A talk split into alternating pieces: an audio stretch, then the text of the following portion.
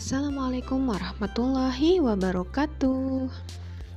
Alhamdulillah, berjumpa kembali bersama Rumah Peradaban Esensi Palangkaraya.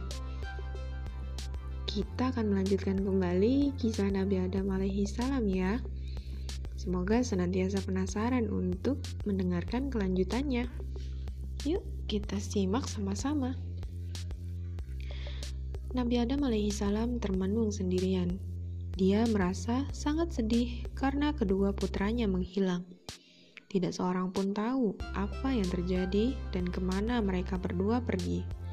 Nabi Adam alaihissalam hanya bisa berdoa kepada Allah dan memohon petunjuknya. Allah Subhanahu wa Ta'ala memberitahu peristiwa yang telah menimpa Qabil dan Habil. Nabi Adam alaihissalam sangat berduka. Berita sedih itu segera disampaikan kepada Hawa. Wahai istriku, anak kita, Habil, telah wafat, kata Nabi Adam alaihi salam.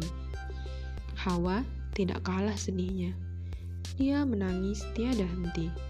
Dia adalah ibu dari korban, sekaligus juga ibu dari orang yang telah menghilangkan nyawa anaknya.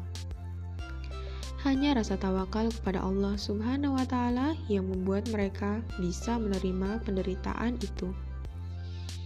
Ini adalah perbuatan setan. Sesungguhnya, setan itu adalah musuh yang menyesatkan lagi nyata, kata Nabi Adam alaihi salam. Atas kesedihan dan kehilangan yang dirasakan Nabi Adam alaihi salam dan Hawa, maka Allah menganugerahkan seorang putra kepada mereka. Ia diberi nama Syith. Syith merupakan hadiah dari Allah sebagai pengganti Habil yang wafat. Syith adalah satu-satunya putra Nabi Adam alaihi salam yang tidak memiliki saudara kembar. Perilaku Syith sangatlah sopan. Ia memiliki banyak kelebihan dibandingkan saudara-saudaranya yang lain. Syith anak yang cerdas, patuh, dan sangat bertakwa.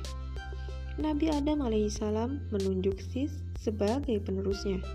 Sis mewarisi kenabian dari Nabi Adam alaihissalam. Jangan sampai saudaramu Qabil mengetahui tentang hal ini.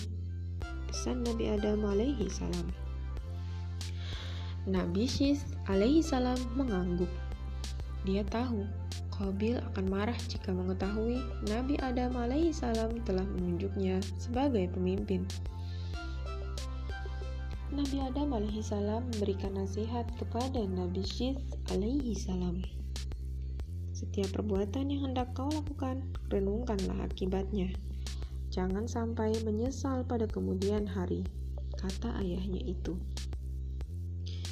Baik ayah, jawab Nabi Syith alaihissalam.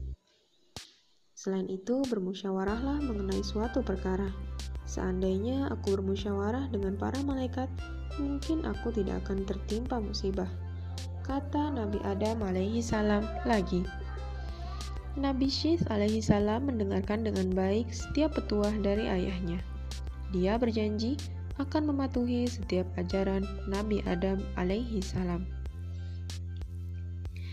Nabi Syis alaihi salam menikah dengan saudaranya yang bernama Azura. Dari pernikahan ini lahirlah Anushi. Sebagai seorang nabi, Syith alaihi salam menerima perintah-perintah dari Allah Subhanahu wa taala yang tertulis dalam 50 sahifah. Nabi Adam alaihi salam sangat senang dengan kepemimpinan Nabi Syith alaihi salam.